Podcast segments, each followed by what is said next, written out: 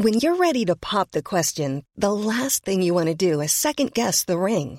At Bluenile.com, you can design a one of a kind ring with the ease and convenience of shopping online. Choose your diamond and setting. When you find the one, you'll get it delivered right to your door. Go to Bluenile.com and use promo code LISTEN to get $50 off your purchase of $500 or more. That's code LISTEN at Bluenile.com for $50 off your purchase.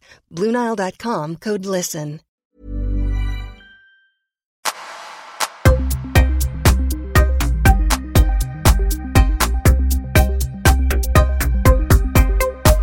Micke Johansson, välkommen till Öppet sinne.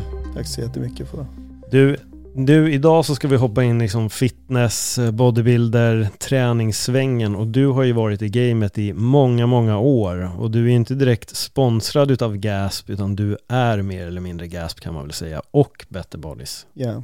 Ja. Så då blir den lilla enkla frågan, hur kom idén till? Ja, jag tror inte det liksom var någon eh, eh, jätte, jättekonstig sak. Utan det är, jag menar, jag tränade, eh, bodybuilding var liksom ett stort intresse efter fotboll. Jag kände liksom att eh, ja, man ville utmärka sig och liksom sköta sig själv lite och stå på egna ben och inte vara liksom gömd i ett eh, team. Så det var liksom stort fokus på det. Kanske var en identitetsgrej som man egentligen har när man är kanske runt 15. Mm. Och eh, jag har extremt stor drivkraft för vad som helst i livet egentligen. Allting blir lite, liksom, lite extra. Det är någon slags eh, diagnos. Eh, och, och, då tror jag liksom att eh, bodybuildingen och, och verkligen ta ut svängarna liksom i, i, i sin egen värld var liksom väldigt viktigt. Och eh, eh, ja, och, och, det var liksom kanske från man var kanske 16, 17 upp till man var kanske 27 eh, så var det liksom bodybuilding fokus för hela slanten liksom att eh, eh, man ville ja, vara på de stora, vara på den stora scenen mm. och, och liksom eh, ta de stora medaljerna och liksom verkligen lyckas inom bodybuilding. Hur långt kom du i din egna resa inom bodybuilding? Ja, jag kom egentligen, man ser tävlade på SM några gånger och kom trea som bäst. Och eh, sen var det väl, eh, sen var det liksom dags att ta nästa steg där, men samtidigt så höll jag på med liksom businessen och kläder och eh, träningskläder och, och lite kosttillskott och sådär. Och, och, eh, eh, och jag kände att där tog liksom Eh, Eh, intresset för businessen och, och själva liksom framtiden liksom tog över lite och, och jag kände att ja, men jag är 27 år, jag kan inte liksom, om jag tittade på de bästa eftersom jag hade så extrema eh, ambitioner så, så tittade jag på dem och då kunde till exempel min första tävling som jag var på Mr Olympia 1987 liksom i Göteborg och Rich Gaspari eh, kom tvåa där. Och anledningen till att jag pratar om honom just nu var för att för några veckor sedan då tränade jag för första gången ihop med honom. Eh, så här. Och, eh, eh och gick liksom full circle liksom. Eh, men jag kommer ihåg i alla fall att jag tänkte liksom när jag var runt 27, han var 24 när han tävlade på Olympia då. Att eh, ja, det här börjar liksom, jag kommer inte komma dit jag vill så tidigt som jag borde göra för att hänga med i i, liksom i, i, i, i de drömmar som jag hade. Mm. Och då tänkte jag så här, men då, då, då byter jag fokus eller prioritering och försöker bli Mr Olympia i, i business istället. Om vi går tillbaka till mötet med Rich så kan jag tänka mig det, är det här, alltså, för, mig till exempel, det låter som att Rich för dig är som Jean-Claude Van Damme har varit för mig. Jag har varit ett så stort fan av honom. Jag har ja. inte träffat honom än. Ja. Men folk brukar fråga mig, blir du aldrig starstruck när du träffar liksom, kändisar? Så, nej, men jag blir sällan det. Men jag tror att jag skulle bli det om jag träffar Van Damme. Okay. Det är nog den enda gången jag förmodligen skulle bli liksom starstruck. Ja. Hur var det för dig att liksom sluta cirkeln som du säger med Gaspari? Jo men det det var ju liksom, det var, det var en eh, hyfsat stor eh, sak för mig. Men, eh, men till saken hör ju också då att jag jobbat med de, med de flesta i, i branschen under så lång tid nu. Så att när vi väl eh, träffades för, för några veckor sedan och, och tränade ihop, jag har ju träffat honom förut, men liksom just att träna ihop och, och, och, och, och liksom eh, heja på varandra liksom och lyfta tungt och, och gå liksom och, och, verkligen se personligheten komma ut i träningen, liksom vad som har gjort honom så framgångsrik.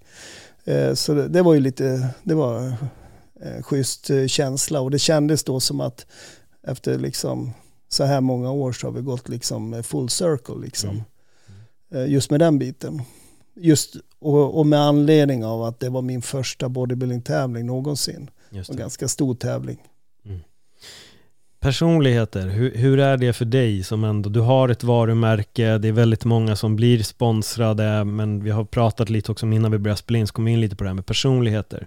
Hur viktigt är det för dig när du börjar titta på en atlet att eventuellt hitta ett samarbete? Liksom, hur mycket träffar du dem innan och vilken personlig relation vill du ha med folk innan du ja, går vidare om man säger så? Ja, det det är en lite komplex fråga på, på många sätt eftersom mycket av min filosofi går ut på att man inte är sponsrad och det finns inga sponsorer utan det finns samarbeten. Och, eh, eh och, och därav så ligger liksom personligheten är ju väldigt stor del av det är liksom allting. Mm. Eh, jag har liksom eh, en ambition av att jobba ihop med, med bra människor som kan hjälpa oss och, och, och sprida vår filosofi och våra core values eh, vart vi än är någonstans. Och eh, i det så kan man ju vara väldigt eh, likasinnade men, men, men samtidigt vara extremt olika, olika personligheter och så vidare. Men man måste ha de här gemensamma nämnarna. Eh, och sen naturligtvis eh, tycker jag om en, eh, att kulturen blir starkare om du har också lite personer som kanske med hjälp av det vi kallar för våran liksom, eh, familj i Gasp och Better Bodies, när kanske det, det är bra människor som kommer ombord men de kanske behöver göra en 180 grader i sitt liv ändå. Det vill säga att eh, det blir liksom en liten utmaning för oss, för mig och, och resten av teamet att det liksom ta någon med på och visa kanske liksom en, en en, en, större bild av vart vi är på väg någonstans, vart, eh, vart vi har varit och vart vi är på väg. Eh, många atleter de har ju, får ju lite tunnelseende när de blir eh, fokuserade. Det spelar egentligen ingen roll om det är atleter eller om det är liksom business eller eh, oavsett vilka mål man har i livet. Om, om det går lite för fort och man fokuserar lite för mycket så är det rätt lätt att missa vad som händer runt omkring en. Och då får man faktiskt svårare att nå sina mål. Mm. Medan man, faktiskt, man tror kanske att ja, om jag bara fokuserar mer och jobbar hårdare så kommer jag nå mitt mål. När det är lite tvärtom. Var skulle du säga att du har fått den insikten ifrån? För det är väldigt lätt att vara lite insnöad i sitt eget mönster och, och, och springa i en linje liksom. Och ja, vara ganska blind för att man kanske missar mycket eller? Ja, dels är det ju liksom eh, kanske egna misstag och, och, och, och, kanske en samlad resa under 30 års tid. Där man har, där liksom, eh, som just nu så kanske vårt team är det runt 200 atleter runt om i hela världen och, och kanske ett, eh, ja, runt 15 000 ambassadörer som på ett eller annat sätt, alla de här hjälper till och, och, och, och försöka eh, sprida våran filosofi och våra core values runt runt världen. Och eh, det är klart att då ser man ju väldigt mycket olika strategier och olika förmågan att, eh, att eh, nå olika mål som personer, individer har. Och, jag tycker det, liksom för mig och, och, och det, liksom det inre teamet så är ju en stor del av vårt jobb är ju liksom att försöka hjälpa folk att nå sina mål. Hjälper vi varandra så hjälper vi oss själva så att säga. Hjälper man andra, ju mer man ger så desto mer får man. Så man har, det är en del av vår filosofi då. Vad skulle du säga har varit den största utmaningen för dig i den här, uh, under de här 30 åren cirka? Uh, ja, det är många utmaningar men det kan väl liksom kanske vara liksom uh,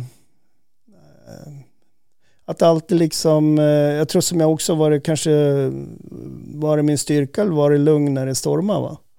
Jag tror att det, det, är ganska ofta som man är liksom, lite som om man går tillbaka till det här med liksom om man eh, kör bil eh, fort på en racerbana. Så det första som instruktören kommer att säga till dig är liksom höj blicken, eh, se, liksom, se stort. Eh, han kommer inte att säga eh, ha tunnelseende och, och försök se livet ur ett eh, strå. Mm. och jag tror att liksom hela den biten har ju varit en utmaning. Liksom att, hur får man ihop ett livspussel där man ser allting runt omkring sig som pågår samtidigt som man kan vara fokuserad och ha liksom ett, eh, en bra målbild och, och, och, och, leverera lite på sina egna målsättningar. Så att jag tror liksom den biten har varit eh, både en styrka och, och kanske en, eh, en svaghet i, i upplägget när man inte har tillräckligt av det versus om man har om man får ihop det livspusslet. Hur skulle du definiera livspusslet? Ja, jag tror livspusslet är lite som det vi pratar om, att det är liksom förmågan att eh, kunna se alla delar som, är, som betyder någonting, inte bara betyder någonting, men som berör en i livet och som har liksom, som skapar möjligheter och utmaningar. Att kunna se dem eh, och navigera liksom eh, i dem med, på ett, eh, ja, man ska säga, Eh, det kan till exempel, eh, nästan allting handlar om eh, skalbarhet. Till exempel ja, eh, hur man kanske liksom bildar en familj eller, och, och växer familjen större. Som, som i vårat fall så har vi liksom en hyfsat stor familj nu eh, på många olika sätt men, men framförallt kring Gaspop och Body så, och, och det tycker att eh, det är mycket roligare att driva det här som en familj än, än att driva det som ett företag. Mm. Vilket vi också har provat och det var riktigt eh, dåligt för, eh, Eh, för filosofi och core values.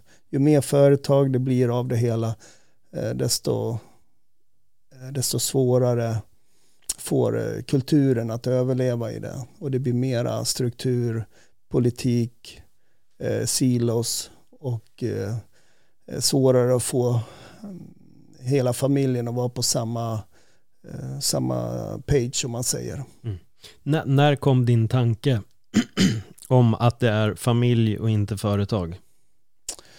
Eh, den har funnits där hela tiden som en del av filosofin. Men, men när liksom familjen, om man säger liksom rent eh, eh, om man säger under 30 års tid som man har gjort det så har man känt liksom okej, okay, eh, oj, det här går ju riktigt bra, vi kommer att bli riktigt framgångsrika, nu måste vi bygga organisation, nu måste vi bygga ett företag och, och istället för samarbete så växer kontrakt fram och istället för eh, samarbete så uppstår ord som eh, sponsring och sponsrad och, eh, och det är liksom allmänt vedertagna ord i samhället gör. För jag menar, du kan ju driva företag såklart.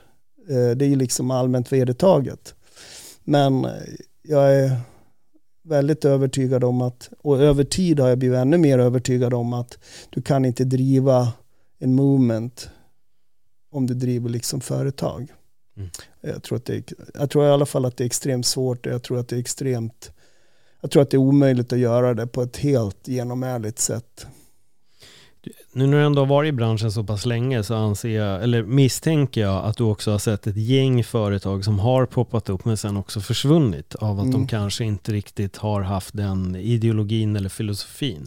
Vad skulle du säga har varit liksom ert så vinnande koncept med att växa så pass mycket i den här branschen?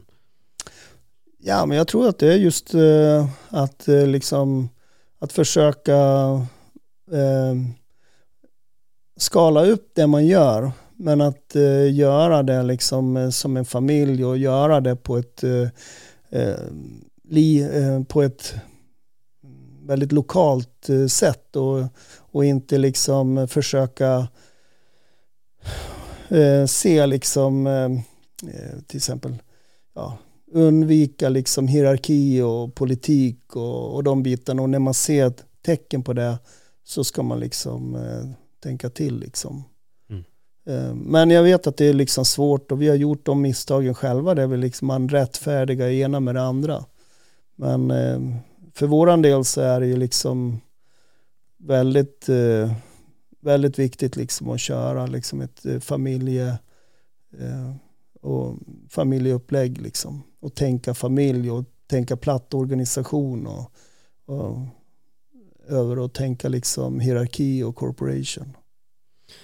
Eh, sen om du pratar om saker som har hänt i branschen över mm. tid så den, den mest, eh, den andra, den största gemensamma nämnaren när folk, när företag kommer och går är väl egentligen att om de blir framgångsrika så, så börjar man skala upp och ofta så, så när man gör den uppskalningen så börjar man eh, så, eh, med, med tiden så kliver man iväg från eh, eh, själva core-området där man började.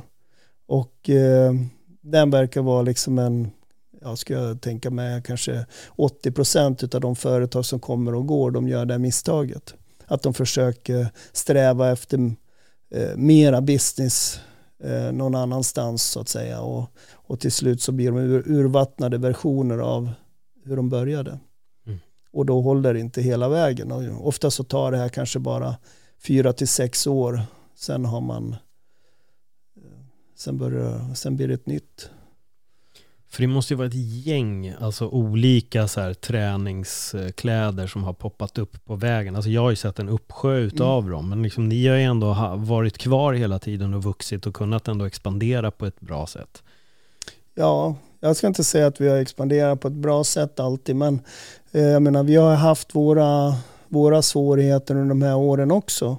Som eh, eh, vi, vi kanske eh, pikade till exempel som eh, eh i ett läge när eh, till exempel social media började komma så pikade vi liksom i en, i en eh, distributionsmodell och eh, där tidningar eh, och, och distributörer och distribution till andra företag så varit mycket business to business den delen var eh, varit väldigt stor hos oss och eh, det var det typiskt sånt där man liksom eh, fick problem att eh, fortsätta odla kulturen med de som verkligen betyder någonting, vilket är våra, eh, våra kompisar där ute som använder våra produkter eller som gillar det vi håller på med.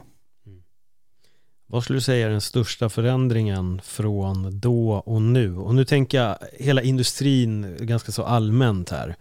För den, även den har ju exploderat. Jag menar, när du började med bodybuilding så var det inte som att var och varannan person gick till ett gym. Det fanns knappt gym att gå till. Det kändes ja, som att det bara var någon källarlokal liksom. Ja, nej, det var ju väldigt eh, ja. subkultur. Ja. Trodde du någonsin att det skulle bli som det är idag? Nej, Ja, och halvvägs in i matchen så, så såg man väl vart det var på väg någonstans. Och, man, och speciellt kanske här i Sverige och Norden så, liksom, så levde man på den drömmen att det liksom expandera i den biten. Men sen eh, när man hade gjort det ett litet tag så insåg jag att liksom, ja, men det här med subkultur var inte så, så fel. Eh, men när du börjar din resa i det här då tänker du liksom så här, ja men liksom det här ska växlas upp och det ska bli någonting stort och det ska bli liksom, eh, de börjar göra business med, med slips liksom och kavaj. Ehm, men sen efter ett tag så inser man att nej men vi, anledningen till att jag började med bodybuilding var ju för att jag ville ha annorlunda. Det var ju liksom för att eh, liksom, man vill inte vara en del av etablissemanget. Och jag tror att det är den här ekvationen som är lite svår att hantera, speciellt om man växer upp och speciellt om det går bra. Det är att, eh, det är att man, liksom, man, man lätt tror att det ska vara slips och kavaj eller man lätt tror att business ska ske på ett speciellt sätt. Liksom. Och, eh, och att man kanske glömmer bort liksom varför man själv började och, och, och, vad som var viktigt och så börjar man räkna pengar och så börjar man teckna in business i förväg och sen blir det liksom, sen börjar du ta betalt för målningen innan du har målat den. Och, och den delen ser jag liksom 99% av alla företag hamnar liksom i den, i den fällan till slut, speciellt om det går bra. Mm. Att man, det blir väldigt, väldigt svårt att, eh, att verkligen hålla fast vid varför man började. Vad, vad, vad är ditt varför idag? Eh, det är ju, jag fick ju tänka till ganska mycket på det, speciellt när vi liksom 2017 och 2016, 2017 så, så pikade vi liksom i den gamla affärsmodellen som jag, det här med business to business som jag nämnde.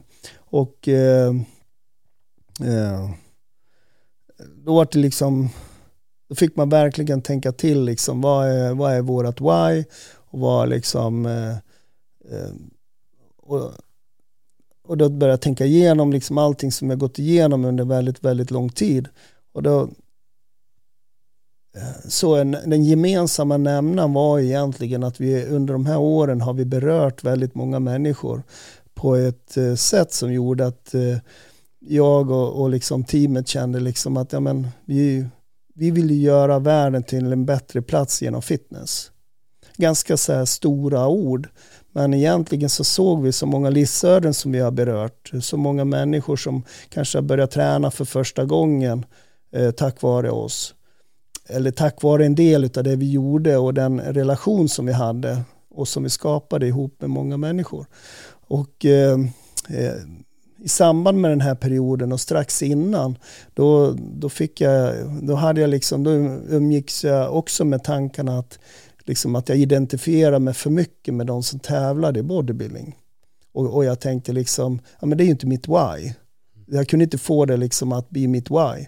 Så, men då när jag började tänka på hur 99% av allt det andra som vi har berört, då kände jag liksom, ja men där har vi vårt why.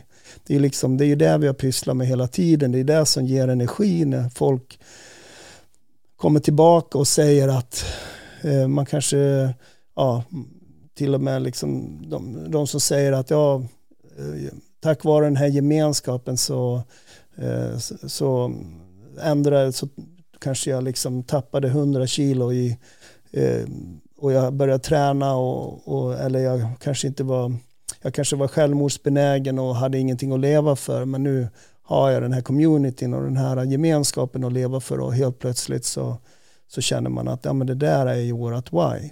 Mm. Så, så det, var en, det var en viktig, en viktig upptäckt för oss, en viktig liksom händelse när vi verkligen får tänka igenom vårat why och varför vi gör saker och ting. Det är ganska häftigt på ett sätt, för det blir som att ert varför är att ge andra människor ett varför. Ja, precis. Och, och, och egentligen så handlar det liksom om eh, syfte och pa passion. Liksom. Och, att, eh, och Better Bodies har ju en bra historia som startade för 40 år sedan som en empowerment för eh, kvinnliga eh, eh, för kvinnor egentligen att gå och träna ihop med män på gym. Så en ganska basal grej idag.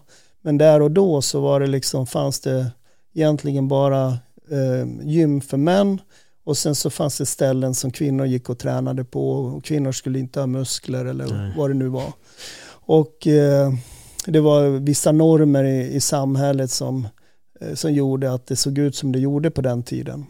Och idag så känns det där lite utopiskt men, men, eh, men det är fortfarande samma det är inget nytt under solen liksom. Så att vi, jag känner liksom att vi har ju fortfarande väldigt mycket av normer som säger att ja, men det där är eh, för mycket muskler eller eh, det där är liksom eh, någon är tjock, någon är smal och man håller på liksom hela tiden och, och dömer väldigt mycket på utseende naturligtvis.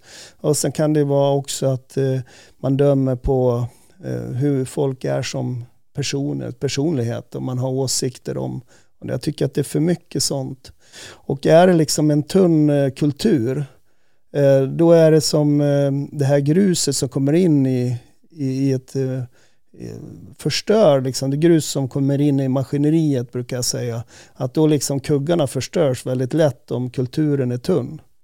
Men om, men om kulturen är, är tjock och, och stabil, då kan det komma in stenar i det här och eh, om man nu säger så här, grus i maskineriet.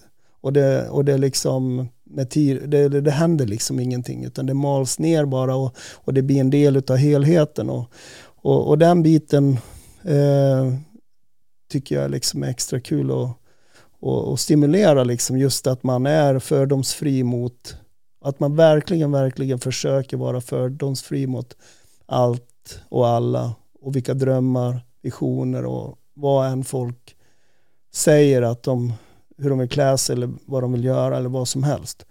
Liksom att man är liksom mera eh, good for you liksom. Och eh, eh, kul och intressant att höra din, eh, liksom hur du tänker liksom. Istället för att liksom eh, gå på eh, kritisk attack eller, eller prata bakom ryggen eller vad det än är. Så jag tror där ligger liksom mycket av det som vi försöker skapa och just därför som vi kanske, många andra företag som ser ut som oss, de kanske har några fixstjärnor eh, medan vi väljer att ha 200. Eh, och vi kan ha, jag menar över tid så ser jag att vi kanske har 400 fixstjärnor, om man nu säger så. För då får en sån eh, diverse samling av människor att det går inte liksom att hitta ett ideal eller hur det nu ska vara liksom, utan alla har rätt att, och, och jobba mot sina egna mål. Och just det här med, med liksom hur Better Body som en empowerment-resa eh, börjar passar oss liksom än idag. Att eh, vi liksom, vi behöver inte vi behöver inte bekymra oss så mycket i liksom vad folk väljer att göra och inte göra liksom och, eh, och, och, döma utan eh, istället så kan vi hjälpa eh, kan vi hjälpa varandra att drömma stort och försöka nå eh, liksom mål oavsett vad det är. Det behöver inte ha med bodybuilding att göra vill jag tillägga. Mm. kan vara precis vad som helst. Eh, så att jag tror att det är liksom, där ligger liksom mycket av vårat why att göra världen till en bättre plats genom att få eh, våran omgivning och våga drömma, våga Eh, skjuta mot sina mål oavsett vad det är för någonting. Och på så sätt när vi gör det så då hjälper vi också oss själva att nå våra egna mål och drömmar. Så det, är liksom den, den delen anser jag vara liksom eh, energin och, och det som gör att man får passion och purpose i det man pysslar med. Och, och ju mer passion och purpose man kan skapa runt omkring sig desto mer passion och purpose får man själv och eh, det är liksom det är smittsam och det eh, och man behöver inte bekymra sig så mycket i, i detaljerna liksom. Vad, vad har du Hej, it's Danny Pellegrino from Everything Iconic.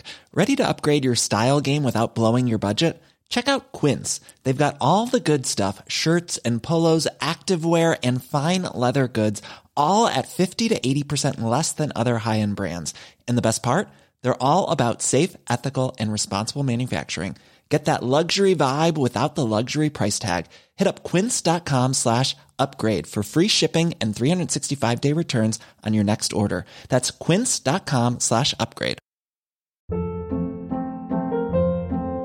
Hold up. What was that? Boring. No flavor. That was as bad as those leftovers you ate all week. Kiki Palmer here, and it's time to say hello to something fresh and guilt-free. Hello Fresh. Jazz up dinner with pecan-crusted chicken or garlic butter shrimp scampi. Now that's music to my mouth. Hello Fresh. Let's get this dinner party started. Discover all the delicious possibilities at hellofresh.com. För egna drömmar, utöver allt det här, vad är det för något som när du sitter ensam på kammaren och tänker det här vill jag göra, vad, vad finns där? uh, ja, jag menar det är, det, det är många olika saker om man mm. säger liksom. Men jag tror ju framförallt så har det ju handlat om eh, eh, liksom eh, att uppnå liksom eh, mental frihet. Det vill säga att man kan, eh, eh, lite som vi var inne på, att man, man har rätt att säga vad som helst och drömma vad som helst. Såklart allt det här inom att man inte skadar någon annan och så vidare. Men, men eh, liksom i, i positiva andemening att, eh, att, man, eh, eh, att man kan verkligen vara fri. Både mentalt och, och, och fysiskt. Och. Va, va, om vi vrider på det, vad skulle du säga är mental fångenskap?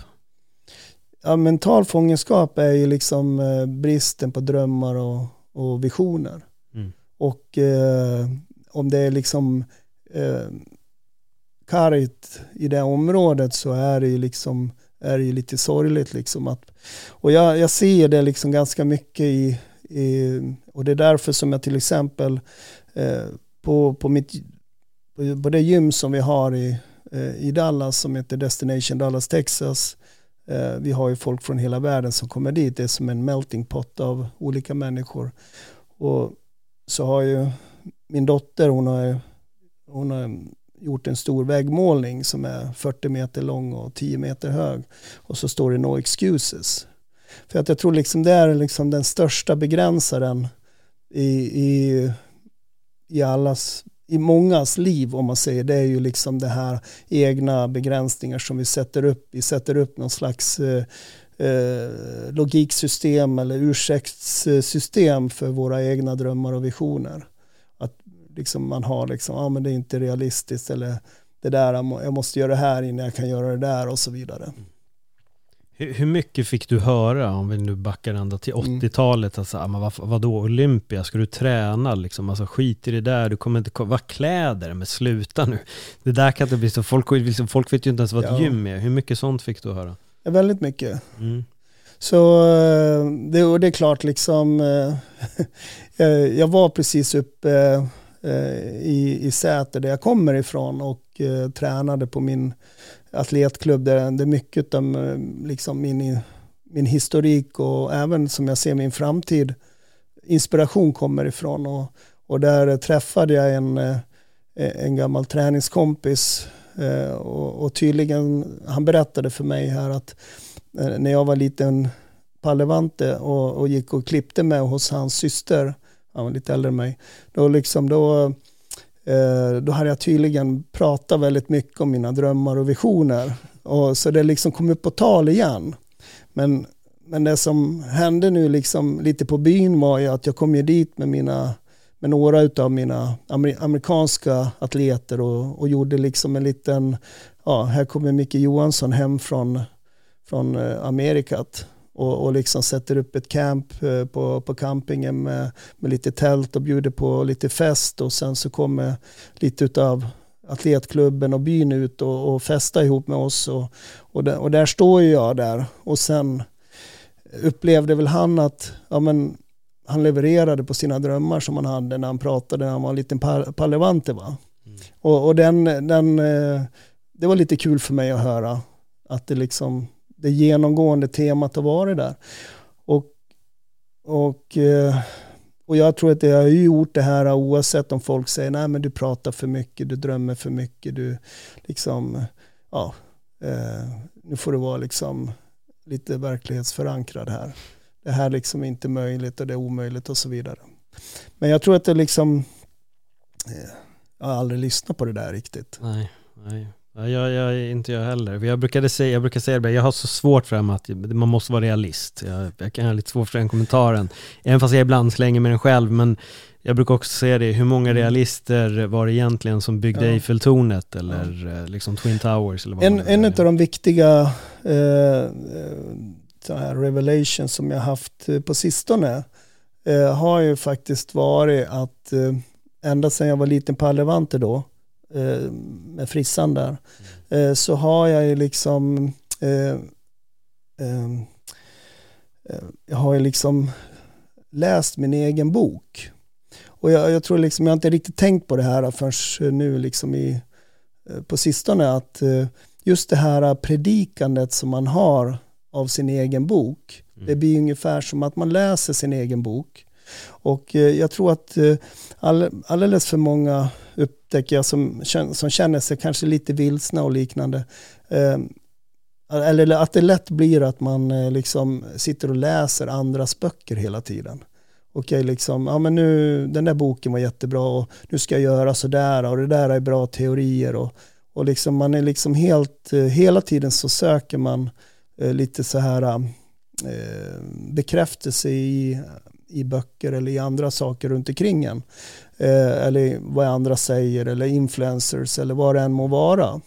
Och jag kom på det att jag tror nog liksom hemligheten, i alla fall för mig, har varit liksom att eh, predika din egen bok 80 och sen ser du till att eh, eller 75% eller 70, vilket du vill, men så länge som det är 70-80% din egen bok som du läser och predikar för dig själv genom att prata med andra.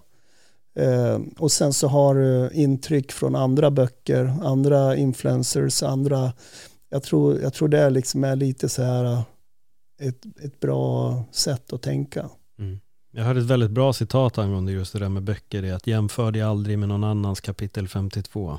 Exakt. Och den tror jag också är, är väldigt bra. Men jag håller med, jag tror att det, det är, jag, jag, tror att folk är vilsna idag också med just som vi var inne på, sociala medier och det är så mycket intryck och man jämför sig med alla andra där ute och vill uppnå det men man vet inte hur. Utan ja. man vill försöka springa dit och nå dit och vara där på en gång. Ja, det blir lätt att man liksom eh, drömmar och visioner är någon annans och, mm. och, liksom, och det blir ett konstant mätande istället för att fokusera på eh, riktigt ordentligt fokusera på vad det är man vill uppnå själv. Mm. Eh, och, eh, eh och det är liksom jag tror bara liksom att det, att hålla full fart på grejerna, liksom livet är kort så att det, jag menar, vill man, eh, och det kan vara allt ifrån liksom, det behöver inte vara så profound liksom, det behöver inte vara så, det kan vara liksom att lära sig åka motocross. Mm. Jag började åka motocross för tio år sedan, det är liksom sent i livet. Men jag liksom, det här fick mig att och, liksom få eh, passion och purpose i någonting helt nytt som låg helt eh, ja, väldigt långt från bodybuilding och hela den världen. Och det var liksom väldigt nyttigt för mig liksom att lägga en, ytterligare en sak till eh, repertoaren av saker man har provat på. Mm. Jag pratar väldigt ofta om det där och det är någonting som jag hade när jag höll på till exempel med stand-up comedy. Då, jag kallar det för brytpunkt. Jag tror, att, jag tror att det är väldigt farligt ibland att dedikera sig åt en enda sak jättemycket. Mm. Min brytpunkt var MMA som mm. sen blev mitt yrke mm. och jobbat med det väldigt länge. Och det låter som att du har hittat din brytpunkt där med, för jag brukar alltid predika att om du gör någonting, dedikera dig till det, men ha någonting mm. som blir en frizon mm. att göra. Jo, jag, precis. Vi, vi har lite, jag har lite sådana exempel runt omkring mig också som jag brukar predika om. Som är till exempel en av våra mest eh, framgångsrika bodybuilders, eh, Branch Warren, som också är varit med, som jag jobbat ihop med i många år. Ehm, eh, han, eh, han har varit extremt framgångsrik och eh, jag anser, när jag tittar på det från utsidan, eh, och han själv också säkert till viss del, men jag kanske ännu mer än vad han gör, eh, så han har hållit på med jakt eh, som ett stort intresse. Och det här har ju liksom gjort att det har fått en massa positiva följdeffekter som som gör att han haft lättare för att nå sina bodybuildingmål. Mm. Eh, och normalt sett om någon har sådana extrema mål, målsättningar som han har och, och, och så, här, så blir det lätt att man skärmar av och får tunnelseende. Eh, Medan han har, gjort precis tvärtom.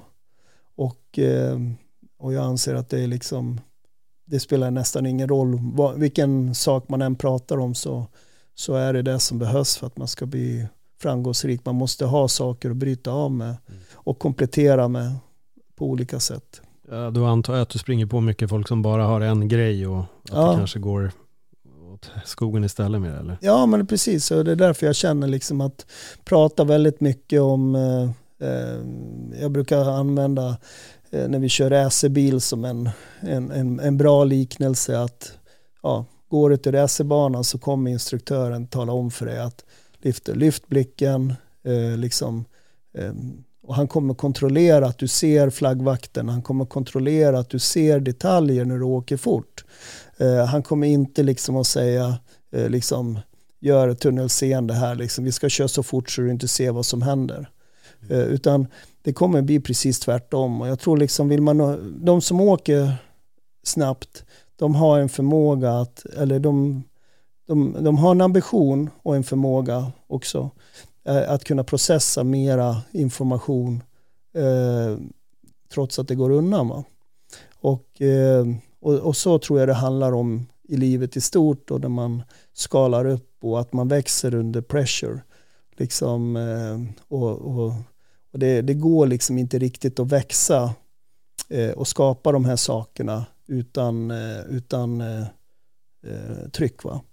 Eh, så har man inte tryck eh, så kan man liksom inte göra det här. Och jag tror att människan har en eh, instinkt att försöka undvika tryck att undvika pressure på sig själva och, och försöka göra det enkelt för sig.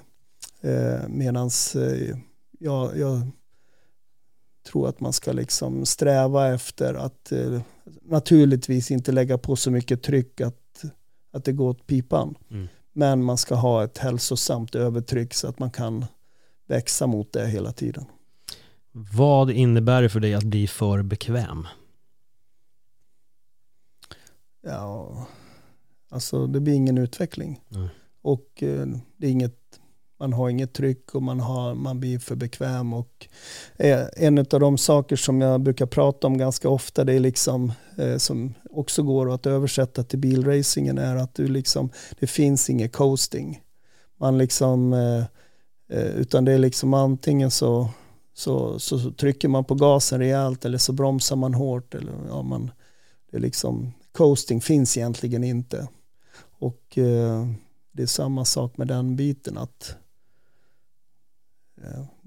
livet är liksom lite för kort. Och jag menar inte att man ska ha bråttom, men man ska liksom ändå ha en liten urgency och, och, och, få lite saker gjort på jorden medan man lever. Och det skapar mera purpose när man har det. Mm. Och, och, då får man mera passion och då blir livet roligare.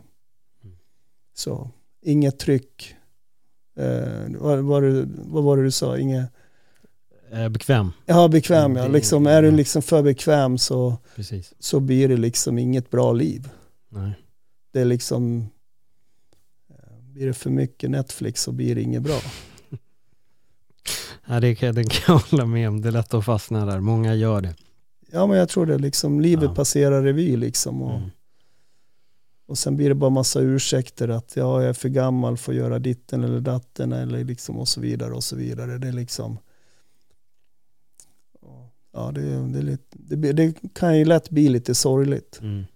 Men det, och jag tycker man ser det där ganska ofta. Alltså det, när jag var 18, mitt första jobb det var färdtjänst. Jag var medhjälpare att bära. Mm. Fick bära upp rullstolar och det var väldigt mycket pensionärer. Jobbade med väldigt mycket pensionärer, körde dem till så dagcenter eller vad det heter. Så de fick umgås över dagen. Men det var också typ så att min bästa livsskola på något vänster för att alla påpekade verkligen att det går fort. Mm. Det går väldigt fort Paul. Ångra dig inte liksom. Gör grejerna och så här. För, för, för man kunde också se på många av dem att det fanns de här drömmarna men att tiden hade bara pff, flugit förbi. Ja. Flugit förbi en. Så jag... Ja, precis. Jag tror att det liksom... Eh, jag fick lite... Dels jobbade jag också på eh, Eh, jag var ju uppvuxen i, i Säter så jag mm. jobbade under ja, sex, sju år på Säters mentalsjukhus eh, och eh, på alla typer av avdelningar inklusive äldrevård. Mm.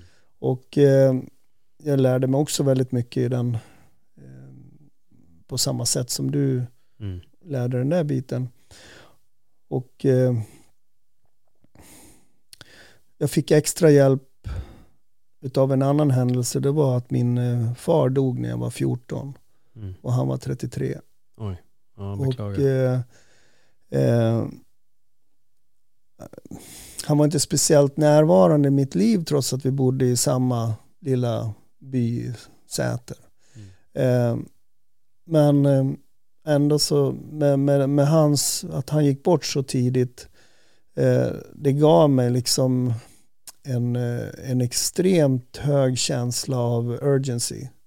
Att eh, liksom livet kan vara extremt kort. Mm. Och eh, vi liksom, det finns liksom ingen tid att hålla på med coasting. Det är liksom, eh, eh, man behöver liksom, återigen, det här liksom inte är liksom motsvarigheten till att stressa genom livet eller liksom sådär. Men, men att verkligen försöka så här, om någon skulle komma och säga okej okay, du liksom times up. Eh, hur mycket regrets har man då? Mm. Om, om, om regretsmätaren liksom är, står på fullt liksom, då, då måste man liksom, då behöver man tänka till va. Om man har liksom massa grejer som man skulle vilja göra men inte gör, liksom, då måste man fråga sig varför gör du inte dem nu? Eh, och eh, skulle någon, skulle liksom, skulle någon komma till mig nu så vill jag försöka så mycket jag bara kan och säga liksom okej, okay, time's up, men jag har liksom extremt lite regrets. Mm. Jag känner att jag har levt eh, två liv på ett liv, eller tre liv på ett liv. Mm. Om, och, och liksom i, så jag känner mig liksom, och, och, för varje år som går nu och nu är jag, fyller jag 55 så känner jag liksom, jag känner mig faktiskt lite mer och mer typ så här, fan vad bra liksom. Det låter som att du är grundad i, i livet och du tänker väldigt mycket på livet. Jag tror att eh, om man inte känner till gas på Better Body så tror jag kanske inte att folk tänker att ja, men här har vi en vd som sitter och snackar. Och jag gillar det. För att jag tycker det är väldigt många som missar livet.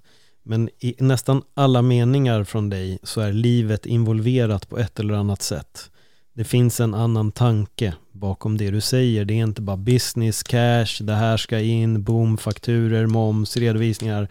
Utan du pratar ur ett företags familjeperspektiv, mm. men där livet är högst involverat hela tiden. Så mm. jag känner verkligen att du är en person som tänker väldigt mycket på livet. Ja. Tänker väldigt mycket på hur människor och hur strukturerna ser ut, eller har jag fel?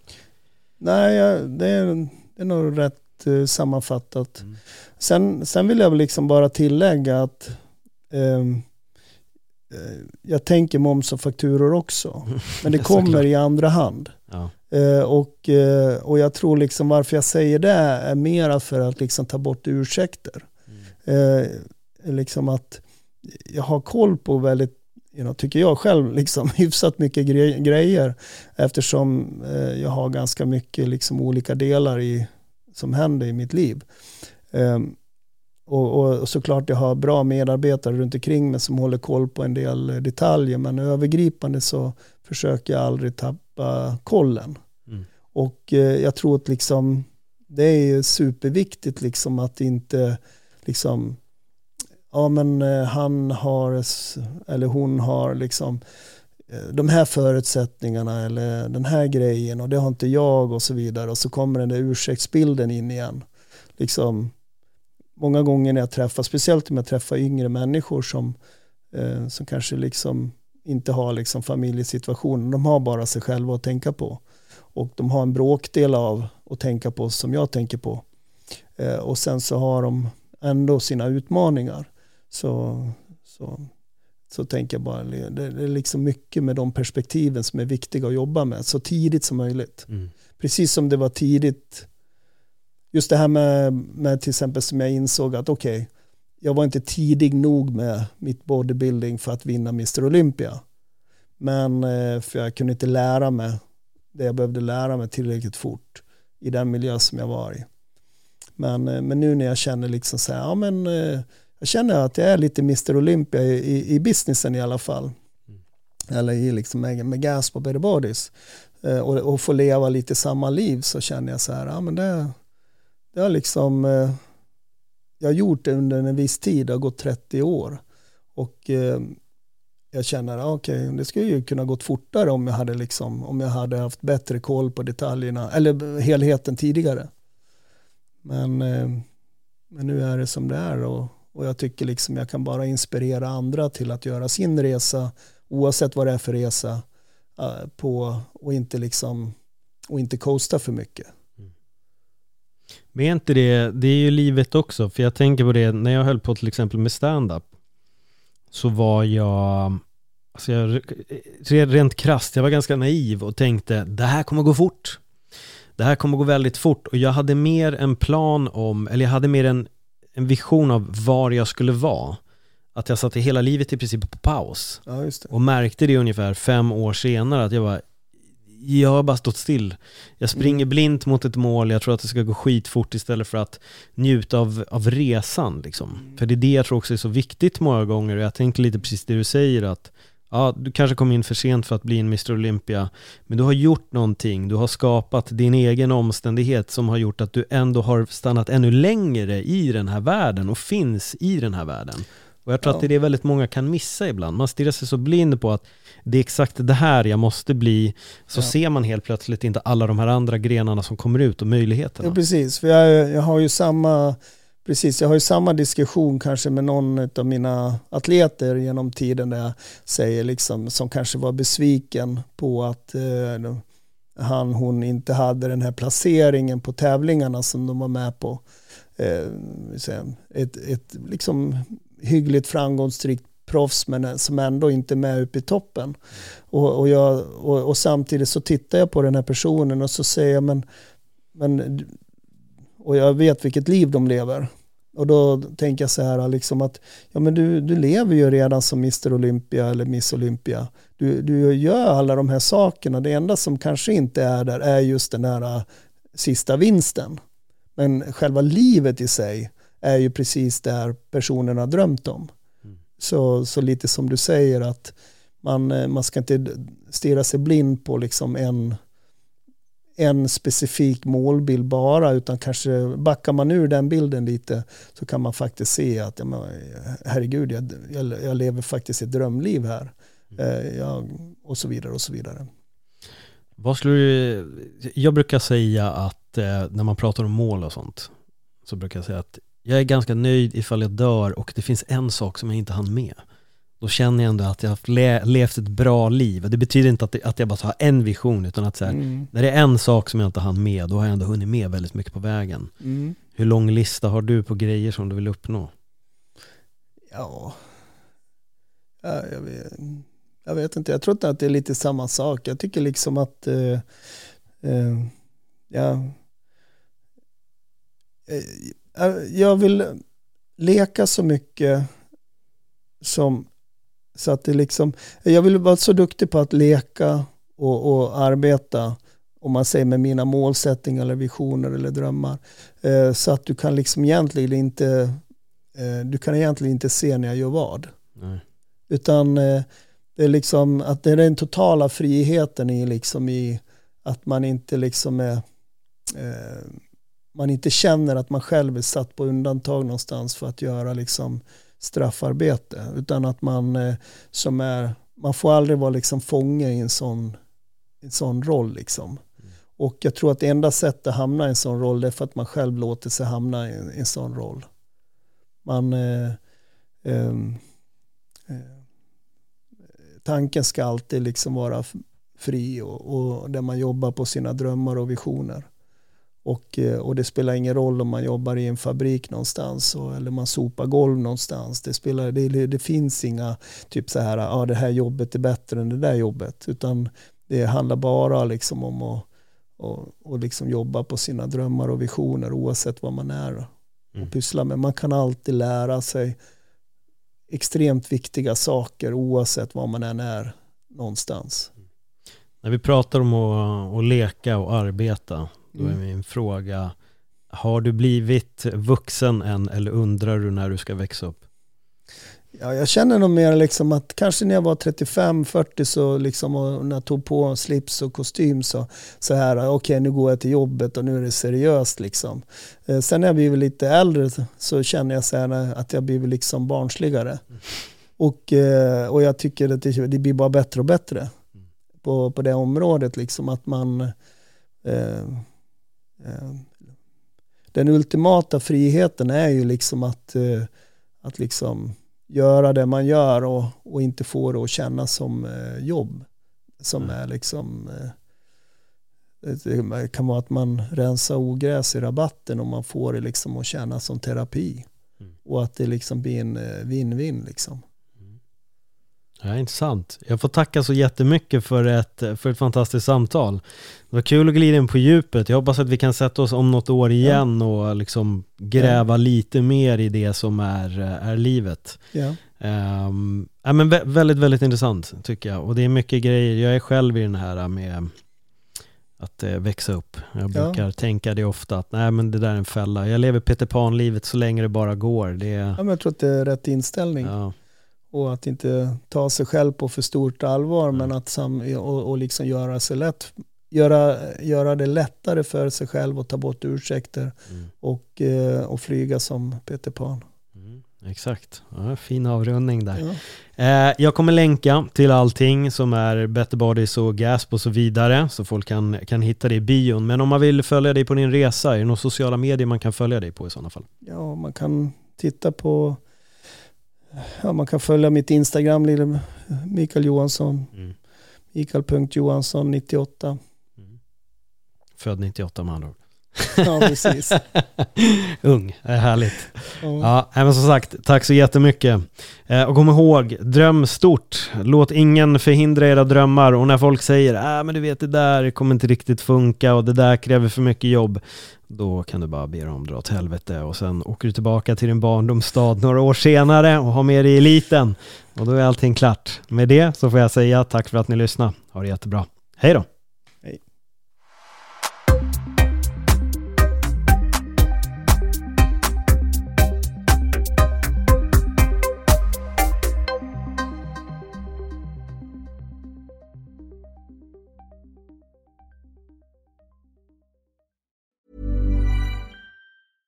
Ever catch yourself eating the same flavorless dinner three days in a row?